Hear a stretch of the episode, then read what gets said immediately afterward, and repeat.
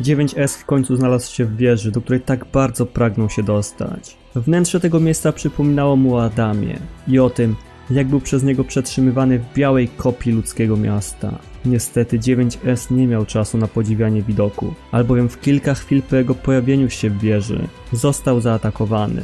Nie były to maszyny, ale modele bojowe Jorchy o numeracji 2B.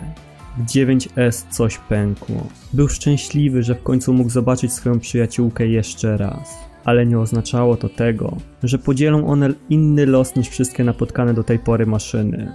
9S z uśmiechem na twarzy i radością w oczach dobył swojej broni, po czym zaczął szlachtować modele 2B, jakby nie było jutra. Walka nie trwała długo. Modele 2B nie były tak wprawione w boju jak ich oryginał albo 9S, który był jedynie modelem skanującym. Kiedy 9S przebił ostatni żywy model 2B, nagle doszło do wybuchu, który odrzucił go na znaczną odległość oraz urwał mu rękę. Szczęście jednak było po jego stronie, albowiem znalazł się obok jedynego nierozerwanego na strzępy modelu 2B, któremu delikatnie dotknął policzek, po czym wyrwał rękę w celu połączenia jej ze swoim ciałem.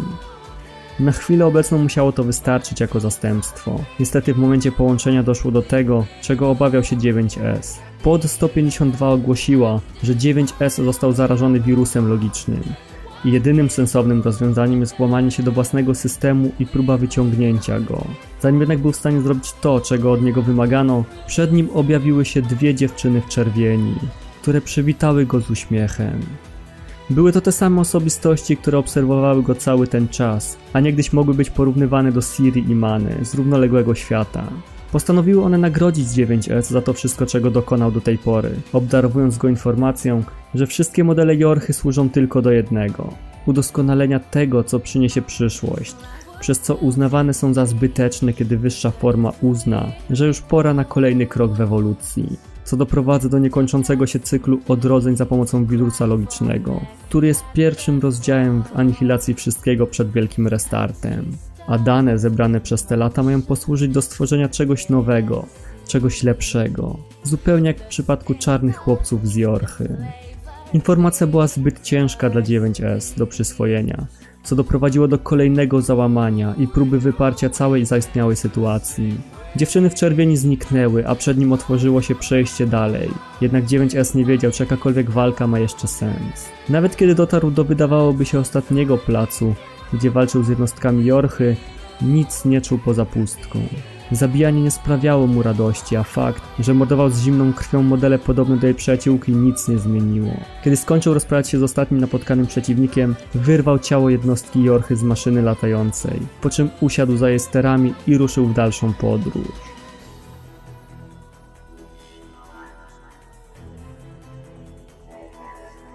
A2 znalazła się przy wielkiej gai wieży, o której słyszała z dziwnych komunikatów. Kiedy przechodziła przez jej wrota, znalazła dwa modele DEFPO, które dokonywały swojego istnienia na tym ziemskim padole. Wyglądały na szczęśliwe, zupełnie jakby spełniły swoje zadanie, z którym miały problem przez lata. Nie zatrzymując się długo, A2 wkroczyła do wieży. Ominęła zwłoki, które za sobą zostawił 9S, po czym wkroczyła do sali przypominającej bibliotekę. W owym miejscu znajdowało się masę książek będących zapiskami wszystkiego, co udało się znaleźć maszynom na temat ludzkości, mapy, historii o ważnych ludziach na przestrzeni dziejów oraz tych mniej znaczących, jak o dziewczynce z tajemniczą chorobą, której podobno nie dało się wyleczyć. Beztroska A2 nagle została przerwana przez ogromną maszynę przebijającą się przez sufit, która pomimo swojej wielkości nie stanowiła poważniejszego zagrożenia. Znajdowała się ona albowiem w pomieszczeniu, w którym ledwo mogła wykonywać manewry. Ostatecznie maszyna uciekła, a A2 udała się dalej w głąb biblioteki, schodami prowadzącymi wydawałoby się do komórki. Prowadziły tak naprawdę one do miejsca pośrodku którego znajdowała się tablica kontrolna. A2 nie wiedziało co mogło ją spotkać, lecz postanowiła sprawdzić owe urządzenie, co doprowadziło do złamania zabezpieczeń systemu A2 i próby zarażenia jej wirusem. Nie postanowiła ona jednak zostać bierna i zwalczała złośliwe oprogramowanie wewnątrz jej układu pamięci. Nie wszystko jednak przebiegało wedle planu, albowiem kiedy myślała już, że jest po wszystkim, nagle w jej pamięci pojawiły się dwie dziewczyny w czerwieni, które były bardziej niż uradowane z ponownego widoku numeru 02. A2 nie wiedziała o czym mówią owe osobniki, dopóki nie przypomniały jej o misji Pearl Harbor i tego jak jej przyjaciółki zginęły okrutną śmiercią. A2 popuściła wodze emocji i atakowała dziewczyny w czerwieni bez wytchnienia, jednak im więcej ich zabiła, tym więcej ich się pojawiało. Pod 042 zaproponował przerwanie walki, albowiem wróg powiela swoją osobowość, a zabijanie ich przez A2 tylko pogarsza sprawę. A2 nie rozumiała o co dokładnie mu chodzi, ale postanowiła przestać. Dziewczyn w czerwieni przybywało, w zastraszająco szybkim tempie. A2 chciała atakować, jednak pod 042 zabraniał jej. Nie trzeba było długo czekać, aż nastał moment krytyczny, kiedy ilość czerwonych adwersarzy przekraczała granice pojemności pamięci. Doprowadziło to do przeciążenia systemów logicznych i wytworzenia jednej sprzecznej idei pośród roju myślącego dotychczas tak samo pod każdym względem. Jedna inna jednostka zarażała kolejne i kolejne. Tym sposobem umysł adwersarza doznał załamania i podzielił się na dwa obozy. Jeden pragnący anihilacji, a drugi podtrzymania życia. Tym samym świadomość dziewczyn w czerwieni zaczęła się samoczynnie zwalczać, doprowadzając do całkowitej anihilacji i wyrzucając A2 z pamięci. Owe zajście nie tylko uświadomiło A2, że cała struktura jest niebezpieczna, ale też uruchomiło windę kierującą się ku ostatniemu piętru wieży. Niestety A2 nie otrzymała chwili wytchnienia, albowiem przeciwnik, którego spotkała w bibliotece, teraz powrócił, a z powodu śmierci jakichkolwiek sieci przesyłu informacji działał on teraz instynktownie, bez większej logiki. Tymczasem 9S również miał sporo na swoim talerzu, albowiem musiał odpierać jednostki latające maszyn oraz dokładnie takiego samego wroga jak A2. 9S i A2 dotarli prawie równocześnie do samego szczytu wieży. Byli nawet gotowi stoczyć ten ostateczny bój w celu rozstrzygnięcia zatargów między sobą, ale zanim miałoby do tego dojść, musieli stawić czoła zagrożeniu, którego się nie spodziewali. Dwa te same modele maszyn, z którymi walczyli cały ten czas, nagle się połączyły, tworząc adwersarza, z którym pojedynczo nie daliby sobie rady. Walczyli ramię w ramię, do ostatniego tchu, aż przeciwnik został pokonany. Po czym skierowali swoje spojrzenie ku sobie, wiedząc, do czego za chwilę dojdzie. 9S spojrzał w stronę A2, po czym wyznał jej całą prawdę o wyginięciu ludzkości, martwym Bogu, który był stworzony jedynie dla Jorchy i całym cyklu niekończącej się agresji, mającym na celu pchnięcie ewolucji do przodu. Jedyne czego pragnął ostatni z czarnych chłopców Jorchy, to zabić A2 za wszystko czego się dopuściła za życia.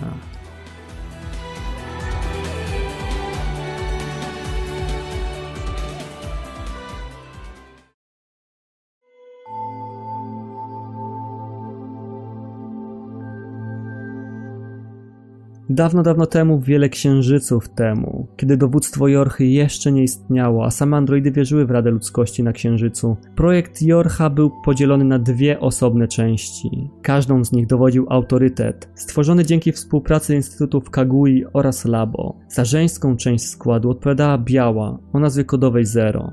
Natomiast za męską część odpowiadał Czarny, którego nazwa kodowa brzmiała tak samo jak jego imię. Były to jednostki wyjątkowe, nie tylko z powodu, że posiadały odróżniające je od innych imiona, ale dlatego, że jako jedne z niewielu nie były tworzone na bazie maszyn, z którymi miały walczyć. Ich czarne skrzynki zawierały zupełnie coś innego, coś, co nie pochodziło z tego świata. Z tego samego faktu wszystkie inne modele Jorcha otrzymywały jedynie numery i liczby oraz nazwę kodową, której nigdy nie poznały poza pierwszymi modelami. Wszystko dlatego, że były całkowicie zbędne i jeżeli którakolwiek z jednostek zginęłaby, to nic by się nie stało. Była jednak drobna różnica w szkoleniu między jasną a ciemną stroną Jorchy. Żeński skład otrzymywał aktualizację oprogramowania, kiedy męscy członkowie byli świnkami doświadczalnymi. Ich jedynym celem było umierać i odradzać się na nowo, dzięki jednostce z numerem 9. Był to model archiwizujący, co sprawiło, że wszystkie wspomnienia członków jego składu były na nim zapisywane i w razie śmierci służyły jako dane do ulepszenia kolejnej iteracji danej jednostki. Cykl życia i śmierci trwał w najlepsze, dopóki ostatnia wersja czarnych chłopców Jorchy nie została poszerzona o jeden nowy model, numer 2, który podczas całego swojego pobytu był przedstawiany jako model obronny, kiedy prawda była zgoła inna. Był on modelem stworzonym do nadzoru męskiej części Jorchy i całkowitej eliminacji jednostek w razie potrzeby.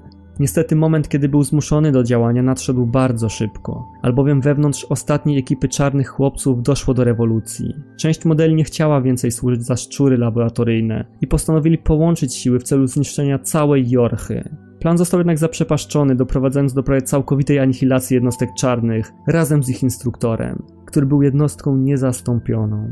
Tak samo skończyły wszystkie inne modele poza numerem 09, który od teraz był tworzony jako jedyny męski model skanujący. Nie zaprzestano jednak tworzenia numerów 02. Tym razem jednak były one modelami żeńskimi, albowiem próba stworzenia męskiej wersji modeli bojowych Jorchy okazała się całkowitą klapą.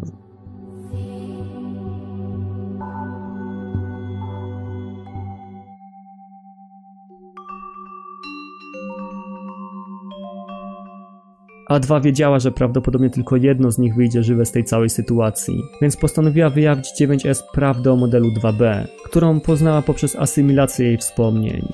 Model 2B tak naprawdę nosił numerację 2E. Był to typ egzekutora sprawującego opiekę nad modelami 9S i mającego jak niegdyś męski numer 2 wymierzyć sprawiedliwość numerowi 9, jeżeli ten zacznie odkrywać tajemnice, których nie powinien.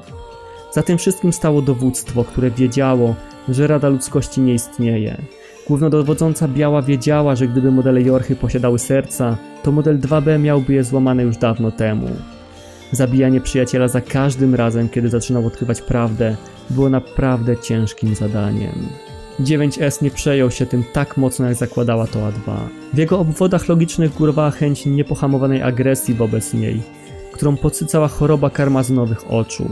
9S nakazuje podowi 152 zaniechania jakichkolwiek interakcji, aż on lub jego przeciwniczka nie zginą. Po czym rzucił się na A2 z dziką furią godną bogów wojny. 9S i A2 walczyli długi czas. Niestety dla ostatniego chłopca Jorchy nie było ratunku. Był on jedynie modelem skanującym, a ona bojowym. W końcu udało się A2 wytrącić 9S z równowagi i postanowiła wykorzystać ową szansę, żeby to wszystko zakończyć. Podniosła miecz w stronę bezbronnego 9S, lecz kiedy chciała zadać ostateczne cięcie, jej ciało nagle się zatrzymało.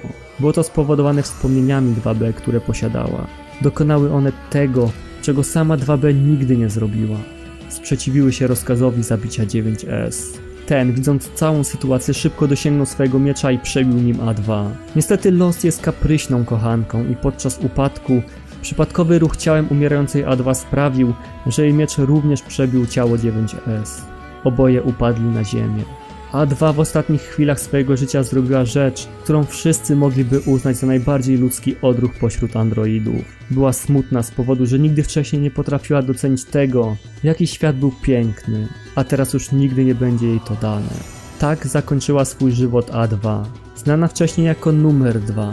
Model bojowy wzorowany na wspomnieniach i DNA małej dziewczynki, która niegdyś mieszkała ze swoją babcią, dopóki świat okrutnie się z nią nie rozliczył. Nazwa kodowa Kainen. 9S nie rozumiał, jakim cudem tak niewielki błąd doprowadził do tej sytuacji. Krzyczał z bólu, przeklinając wszystko i próbując wyciągnąć ostrze A2 ze swojego ciała. Odczuwał ból, którego wcześniej nie było mu dane doświadczyć. Bał się śmierci i faktu, że już na zawsze zapomniał swojej przyjaciółce 2B. Wiedział, że była ona jego katem, jednak to nic nie zmieniało. Krzyk 9S odbijał się echem po całej wieży, a jego bezradność wtórowała temu wszystkiemu. Po czym nastała cisza. 9S przestał się ruszać, a jego oczy straciły karmazynowy blask. To nie był jednak koniec. 9S w ostatnich chwilach swojego życia na Ziemi otrzymał od losu dar. Jego świadomość została przeniesiona do resztek sieci maszyn, która niebawem przestanie istnieć. Spotyka on tam dziewczynę w czerwieni, która tłumaczy mu, że wieża służyła jako działo do zniszczenia księżyca i całej ludzkości. Jednak teraz jej przeznaczenie całkowicie się zmieniło. Po tym jak dziewczyny w czerwieni doświadczyły przez asymilację wspomnień tego samego co 9S, A2, 2B, Adam, Ewa i cała reszta, Przemieniły one pocisk w arkę. Jej cel był prosty. Miała przenieść wszelkie wspomnienia jednostek na kolejną zamieszkałą planetę, która będzie w stanie je rozszyfrować oraz jako przestroga, żeby owa cywilizacja nie skończyła tak samo jak obecna.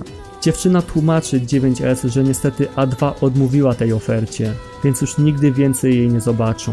Ciało 9S całkowicie przestało się ruszać, a z białej wieży wystrzelony został pocisk, który od teraz miał podróżować przez kosmos w poszukiwaniu celu. Biała wieża, będąca jedyną szansą na odrodzenie wszystkiego, co biologiczne, zaczęła się rozpadać. A pozostali przy życiu członkowie ruchu oporu oraz Pascal, która nawet nie wiedziała już kim tak naprawdę jest, obserwowali to z bezpiecznej odległości. Wszystko zostało zakończone. Projekt Jorha oficjalnie przebiegł pomyślnie. Te słowa poda 152 były tym, co oznaczało koniec cyklu. A razem z tym Przyszedł czas na całkowite unicestwienie wszystkiego związanego z Jorchą. Pod 042 odmówił, tłumacząc przy tym, że podczas sprawdzania danych stworzył się w jego obwodach pewien program logiczny, który pomógł mu zrozumieć, że to nie jest wyjście. Pod 042 zapytał wprost poda 152, czy również trzymał kciuki za to, że wszyscy przeżyją. Niestety numer 152 nie chciał odpowiedzieć i ostrzegł, że to co planuje numer 042 jest ryzykowne. To go jednak nie zniechęciło, a teraz jego jedynym celem jest stworzenie przyszłości innej niż zwykle. Zanim jednak to się stanie, musi on zmienić dyrektywę kierującą jego istnieniem. Tak jak modele DEFPO nadzorowały projekt Gestalt i Replikant, tak pody miały nadzorować projekt Jorcha projekt stworzony przez człowieka imieniem Zenia, który w czasach przed ostatecznym starciem stworzył dwa główne modele numeru 9 i 2. Były one wyjątkowe pod wieloma względami, albowiem bazowano je na ludziach. Od tamtej pory każda maszyna stworzona w owych modelach będzie miała wyjściowy charakter tej dwójki, jednak z czasem zacznie się on zmieniać. Czy to pod wpływem pracy, jaką będą wykonywać, interakcji z ludźmi i zwierzętami, czy z powodu doświadczenia. Niestety podczas pewnej rozmowy modelu 9 ze swoim stwórcą dochodzi do zdarzenia, które na zawsze zmieniło losy ludzkości.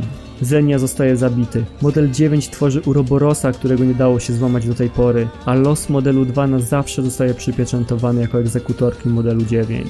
Niekończąca się spirala życia i śmierci zapoczątkowana przez oryginalny numer 9 powtarzała się w nieskończoność aż do tej pory. Tym razem pod 042 postanowił zmienić historię. Kiedy udało mu się dokonać niemożliwego, przyznał z zawstydzeniem, że jest w szoku, iż w ogóle przeżył coś takiego.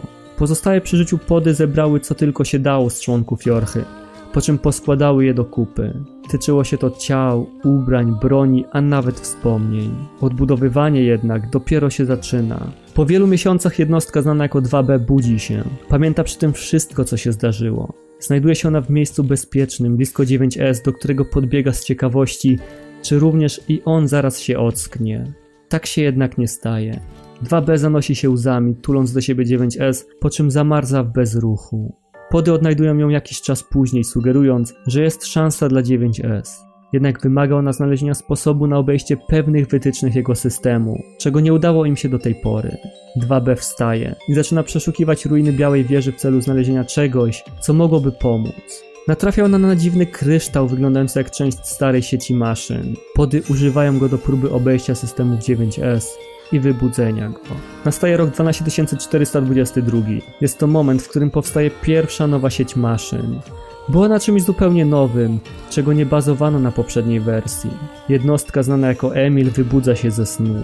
Mija miesiąc. Kolejne modele Emila zaczynają się wybudzać i umierać. W tym samym czasie maszyny przekazują sobie informacje za pomocą nowej sieci, że widziano dwa dziwne osobniki ubrane na czarno.